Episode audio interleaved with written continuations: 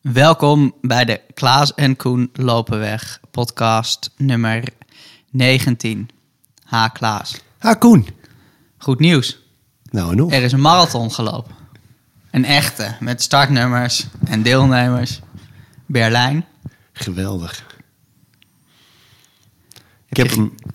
Ja, ik heb eh, pas het laatste stukje heb ik ervan gezien, want ik was zelf eh, was ik aan het lopen. Maar ik moet zeggen, er waren een paar mensen die eh, op schema's van mij hadden getraind en die daar mee gingen doen. Plus nog van heel veel mensen van wie ik hoorde dat ze daar gingen lopen. Dus ik had echt plaatsvervangend eh, zin erin. en ook wel echt marathonkriebels. En, eh, en toen ik eh, later beelden zag van al die mensen in het startvak. En dat dat zo. Het was ook nog prachtig weer daar. Dus het zag er ook nog eens eh, in die zin geweldig uit. Dat eh, ja, deed mij heel veel goed om te zien. Echt mooi. En eh, de lopers waar ik het dan over heb. Jasper.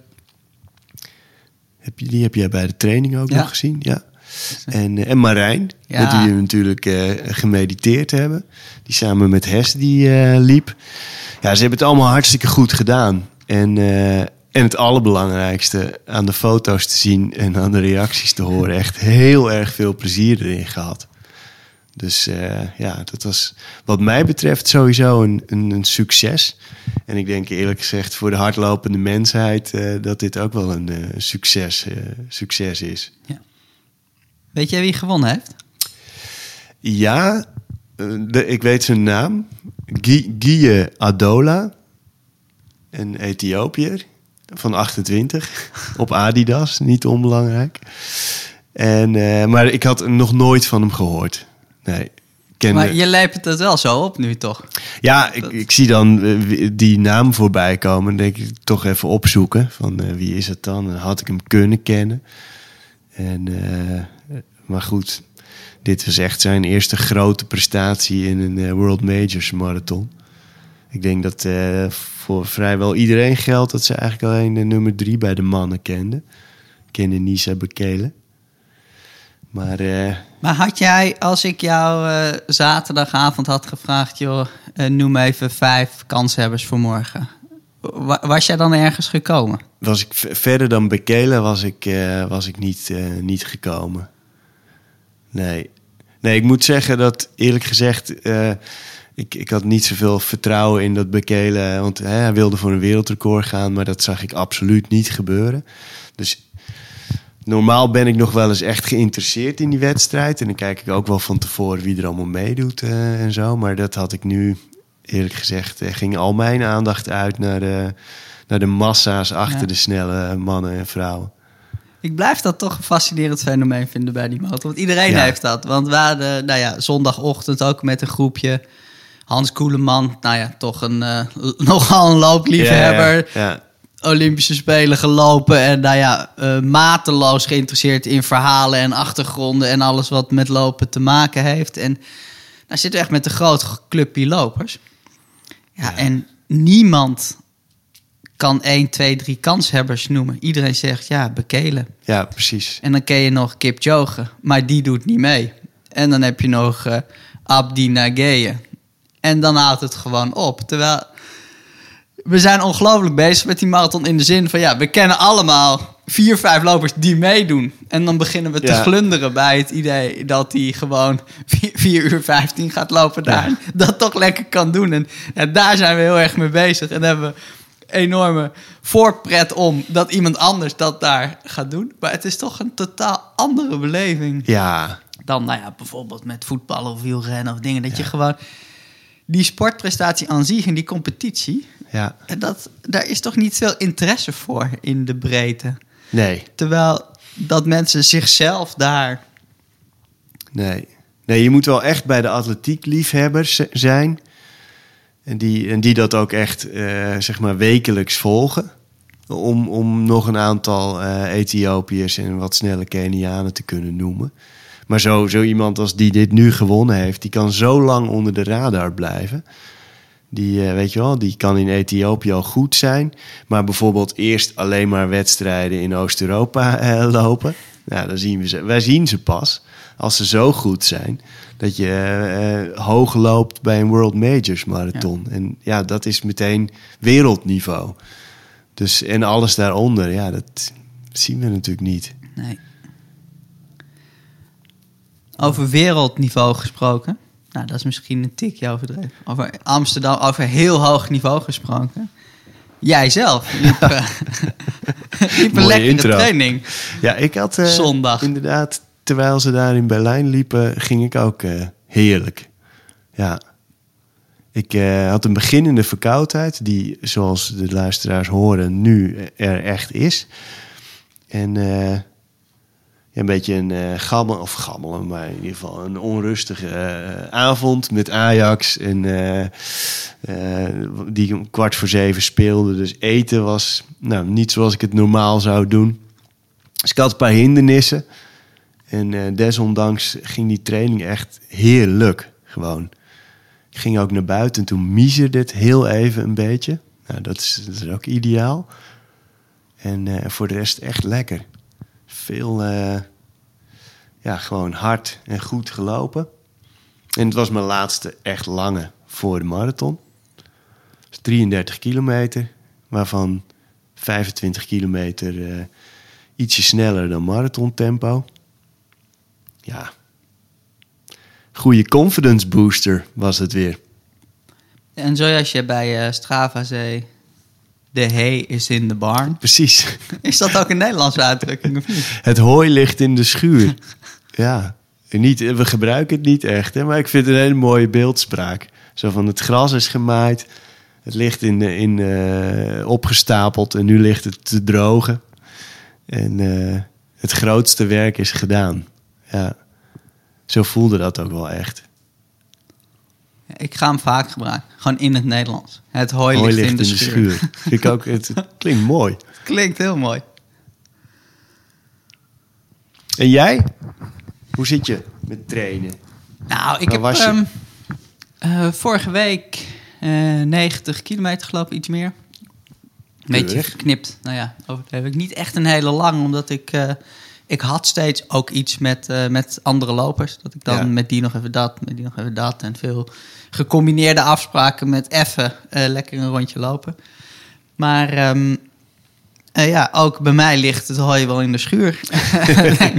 en ik was vorige week op Vlieland. Nou, dat is ehm, eh, verrukkelijk. Dat is, dat is zo'n cadeautje.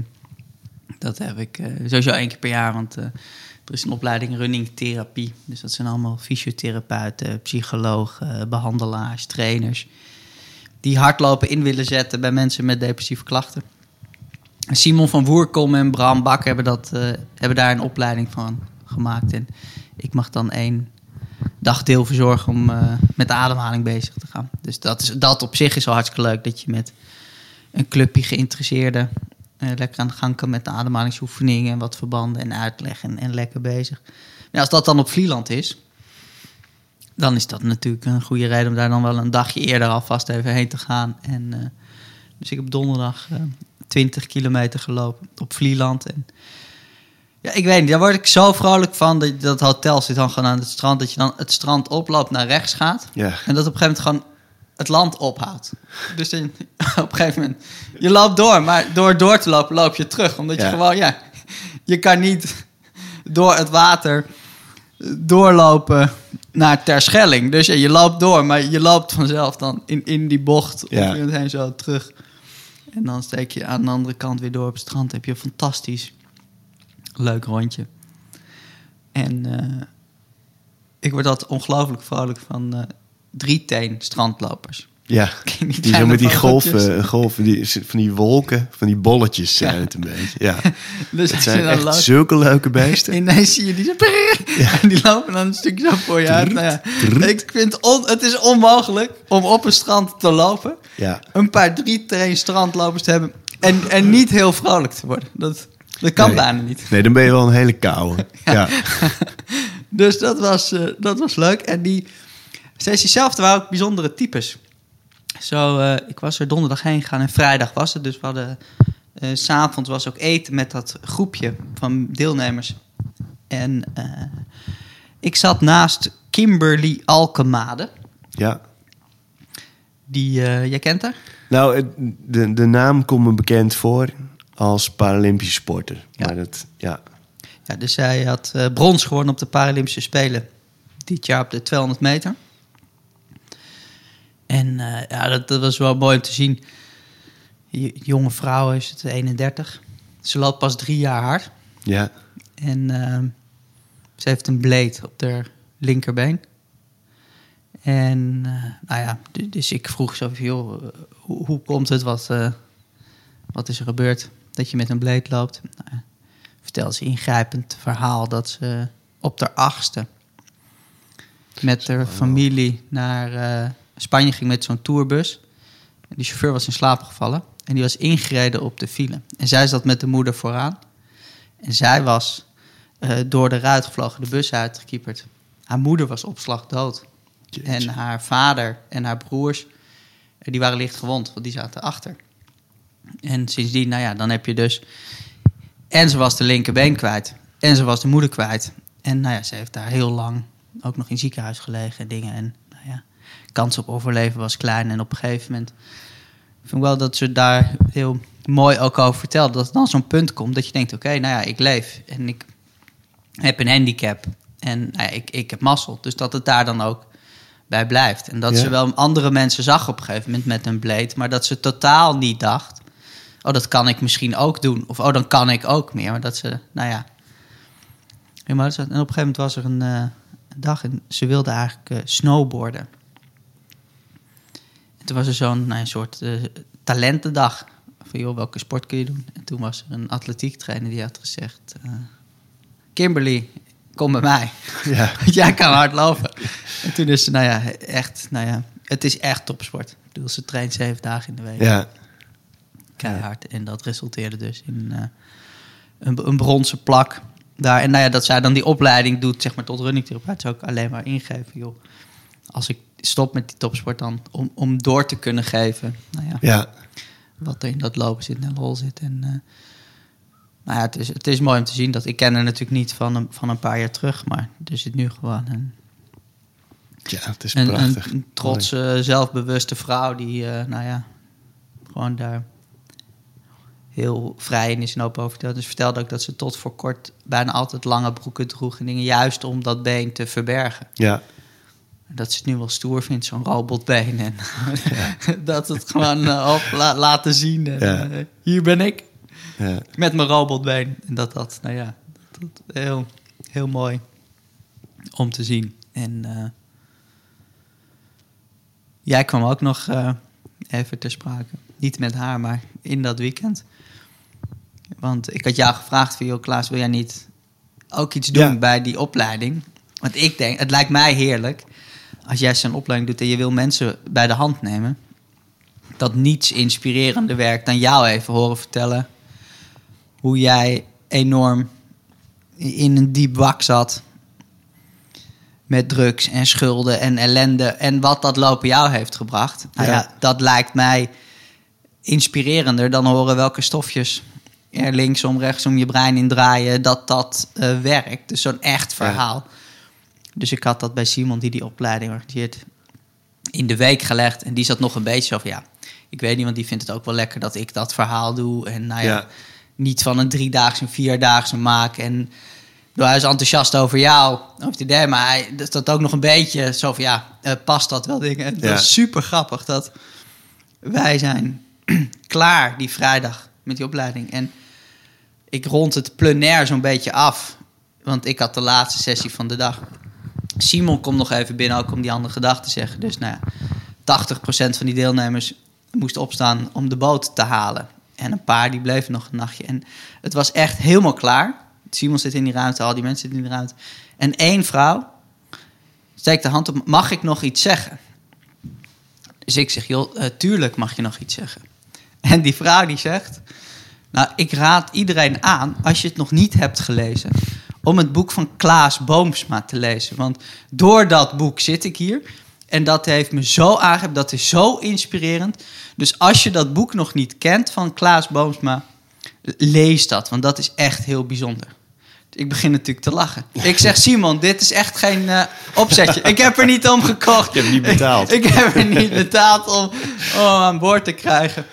En toen was er nog één ander iemand die, die het ook had gelezen. Ja, ja. En ehm, nou ja, die, die daar ook meteen zo begon. En, ja, dus dat was, dat was leuk. En ik vind dat zelf ook grappig. Dat als ik veel van dat soort dingetjes heb op een Ja. dag, dan weet ik dat ik zelf ook pushboards. Want ik zeg ook veel, we moeten het boek heruitgeven en kom Ja. erbij. En dingen dat je al het gevoel hebt van ja, dit is nog niet klaar. Nee. En dat dan dit soort dingetjes gebeuren. Ja, het, het is heel klein en simpel, maar dan weet je wel. Ja, maar het is ook nog niet klaar. Dus er moet gewoon nog iets mee gebeuren en gedaan. En eh, dat verhaal heeft nog meer lezers nodig. Je gunt meer lezers nog dat verhaal. Of nou ja, waar je geneerd, maar dat was echt. Ja, leuk. leuk dus Simon zegt, oké. Irritant mannetje ben je ook. Dus Ja, eh, nou ja, dat wordt, dat wordt eh, zeker vervolgd. Maar ehm, dat was mooi. En eh, daarna zondagavond naar Oasis. Oh ja. In de, in de hallen, de filmhallen. Was, Ja. eh, documentaire live at Napworth. Het is een, was een, een festival of gewoon een, een concert van... Ja, dus het is een, een concert op een landgoed. ja, En nou ja, alleen een paar hele grote op aarde hebben daar gespeeld. Het is gewoon een enorm, ja, een particulier park. Een enorm park met een kasteel erop eigenlijk. En ja, er kunnen 125.000 man op dat veld. En eh, in 1994 was Oasis nog helemaal niks. Speelden ze op voor 80 man in een pub in Manchester. En twee jaar later was gewoon Napworth twee dagen op rij uitverkocht. Dus twee keer 125.000 man. Dus in één weekend kwart miljoen Britten. En het staat bekend als het grootste concert in de geschiedenis. Omdat gewoon eh, eh, 2 miljoen mensen probeerden een kaartje te bemachtigen voor die eerste avond. ja. Dus het was... En het is pre-internet, hè? Dus, dus Ja. gewoon nog nou ja, met inbellen in die lijnen... en in de rij staan bij de ticketcenter. En ik denk, nou ja... de meeste van 40 plus hebben dat wel gehad ook. Maar Ja. in die tijd. En gewoon, ja, hoe hard die band opkwam. En dan, eh, het is een beetje veel gewoon die goede nummers van ze. En eh afgerust ook wel met interviews en, en hoe dat dan opkwam. En dat die eh, Noel dan zegt van jongens, ik was gewoon fucking de beste muzikant van de hele wereld. Nou, ho- hoezo dan? Nou, als je Wonderwall en Champagne Supernova in één week allebei schrijft, dan ben je gewoon the greatest. en die, Ja. nou ja, hij stapelde al die nummers van Look Back in Anger, dit gewoon. Hij zegt, je, toen was ik gewoon in een goede vibe. Ja. Dus, eh, nou ja, en dan, nou ja, die gasten waren knettergek natuurlijk. En het heeft ook heel kort geduurd, maar, want Ja. in 94 waren ze er niet. In 96 eh, speelden ze op Network 250.000 man. En in, volgens mij in 98 is het ook alweer geklapt. En, Ja. ja, muzikanten, toch natuurlijk ook wel iets destructiefs. Of, Ja, die eh, broertjes Gallagher eh, helemaal. Ja. Ja. ben jij wel eens muzikant tegengekomen? In, in het echt, in het wild? Of, eh, ja, over losgeslagen gesproken. Deze de muzikant die ik ooit tegenkwam. Toen was ik ook losgeslagen trouwens. Maar dat was in Groningen. En dat was Herman Brood. Die kwam graag in Groningen. Trad er ook regelmatig op. Ik heb hem trouwens ook wel eens zien, eh, zien optreden daar in Huizen Maas. Eén groot gekkenhuis. Het was echt, hij was er echt op zijn gemak ook. Helemaal van de planeet natuurlijk. Wij ook allemaal. Maar eh, ik was... Je had in Groningen een café. Of had er een paar, maar eentje zat op de Grote Markt. Schuin onder eh, de Drie Gezusters pub. Die is redelijk bekend. En dat heette de Cinema Bar. En die was 24 uur geopend. Dus die was gewoon altijd open. Dat, eh, dat kon in Groningen. En eh, weet je, als je daar aan de bar zat met, met je biertje en je wilde nog iets eten, dan, dan deed je dat daar. En dan werd er ondertussen werd er schoongemaakt. en, eh, moest je even je bordje optillen en dan kon er een lapje over de bar. En we zaten daar en ik zag ineens een wat oudere kerel met een veel te jonge eh, vrouw bij, bij, eh, bij, dat air, bij zo'n airhockey ding staan. Weet je wel? Dat je met zo'n schijf tegen zo'n schijf aanslaat. En ik denk, nee, fuck joh, dat is Herman Brood. Dus eh, ik liep naar hem toe en ik buig zo over die tafel en ik zeg, hey Herman! En ik, ik wil hem een hand geven. En hij buigt voorover om mij een hand te geven. En toen viel er een pistool op, op die airhockeytafel. en hij keek mij aan. En ik, ik, hij leek een beetje te schrikken. Hij dacht van straks is dit een stille of zo. Iemand eh, van de politie. En, maar goed, hij keek. Hij zag dat ik niks deed. Pakte het pistool weer. Stak hem weer in zijn, in zijn zak. En ging verder met airhockey. dat was mijn eh, ontmoeting met Herman Brood. In de cinemabar. Ja. Schitterend. eh. ja, ergens ook wel, ook wel droevig. Kijk, ja, dit is misschien een beetje off-topic, maar ik zat... de- het was deze week ook zoveel jaar geleden dat eh Jannes van der Wal, de bekende dammer... Zeg je dat nog iets? Van naam wel, ja. Eh, het was, volgens mij was het 25 jaar geleden dat hij is overleden. En ook zo'n... Ja, die kwam ook ineens op. Die won vanuit het niets in 1982 het wereldkampioenschap dammen. En, eh, en eh, werd vlak daarna werd hij toen uitgenodigd bij Mies Bouwman aan tafel. En ehm, daar is hij, is een beetje beroemd geworden, omdat zij hem een vraag stelde. En hij minutenlang zijn mond hield. Hij zat een beetje te grinniken, een beetje om zich heen te kijken, maar hij zei niks op nationale tv.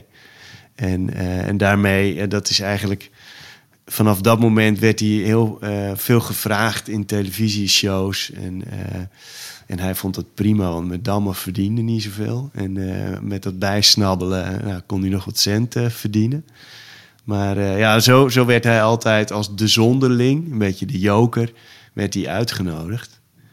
En ehm, ik heb dat, dat, dat fragment nog eens terug zitten kijken. En, eh, en daarbij het commentaar gelezen van een goede vriend van hem die toen mee was. En, eh, en ik, toen ik dat vroeger zag, dacht ik van nou, wat een gek mannetje is dit. En nu zag ik het weer. En toen dacht ik, wat een gestoorde wereld is die tv-wereld. Als je niet vlot lult en je doet niet mee in, dat, eh, in het hele spelletje, dan ben jij de zonderling. En, ehm, eh, hij, want hij hield zijn mond omdat Mies Bouwman hem vroeg: Jannes, hoe oud ben je eigenlijk? En hij, was super jong, maar hij zat daar. En die vriend vertelde: Ja, we waren daar ontvangen door een, eh, iemand van de redactie. We zagen achter de schermen tientallen mensen rondlopen. Eh, een tv-programma met professionele mensen. Dus Jannes dacht: Ze vraagt toch niet serieus hoe oud ik ben? Dat, dat zal ze toch wel weten. Want je doet toch je huiswerk. En dus hij, hij kreeg het gevoel van ik word in de maling genomen. En als je het toontje waarmee Mies Bouwman tegen hem praat hoort. Jannes, hoe oud ben je? En hoe was het in Brazilië? Was je zenuwachtig voor de finale? Dan denk je ook, ja, je hebt het niet tegen een, een kleuter. Je hebt het tegen een, een volwassen, of in ieder geval een jonge vent. Die, eh, die ook nog eens heel slim is. Dus hij, hij, ja, hij sloeg gewoon dicht vanwege de surrealiteit van de hele situatie. en, weet je, en heel Nederland moest daarom lachen. Terwijl er eigenlijk maar één iemand normaal deed. Dat was Jannes van der Wal. Ja, dus bij deze rehabilitatie voor, voor Jannes. Ga allemaal even op, op zoek op internet, op YouTube staat de ballade eh, van Jannes van der Wal. Gezongen door Meinder Talma die volgens mij alles eerder heb aangehaald. Maar dat is echt een eh, heel mooi, mooi lied over, eh, over Jannes en, eh, en, en hoe die was. Even een zijspoor. Ik ga zeker kijken. Dat is leuk. Ik zit te denken of ik nu even minutenlang mijn mond kan houden. Maar ik denk dat dat op tv beter werkt dan in een podcast. Dus Meditatief moment in de podcast. even, even stil. Ja, die stilte blijft. eh, wel een krachtig en mooi goedje. Absoluut. Voor tv-makers is het verschrikkelijk. Die raken in paniek van stilte. Een hoop mensen raken wel in paniek van stilte.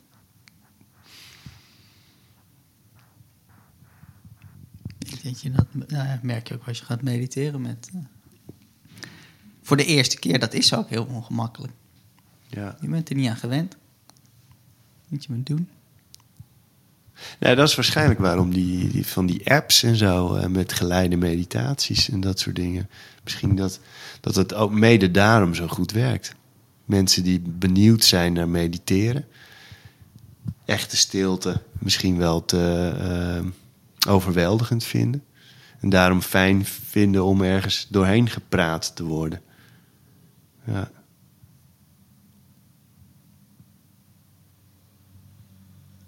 Ben je er morgenochtend weer bij? Of, eh? Dat eh, is wel mijn bedoeling, ja. Even lekker een uurtje. Gaan we weer vroeg? dinsdag. Ja. Dus eh, morgen zei ik van half zeven tot half acht. Ja. Weer even zitten. En dat is leuk. En daar zie ik echt naar uit. Dat vind ik altijd lekker. Tegen vanavond zie ik een beetje op. Want ik weet niet precies wat er vanavond gaat gebeuren. Maar eh, ik ga met jouw loopgroep en jou weer lekker rennen. En jij hebt met een of andere codetaal in die groep gezegd... eh, wat we vanavond gaan doen. En ik ben de enige die mijn god niet weet wat dat behelst. Dus ik weet van niks. Maar uit de reactie van de anderen...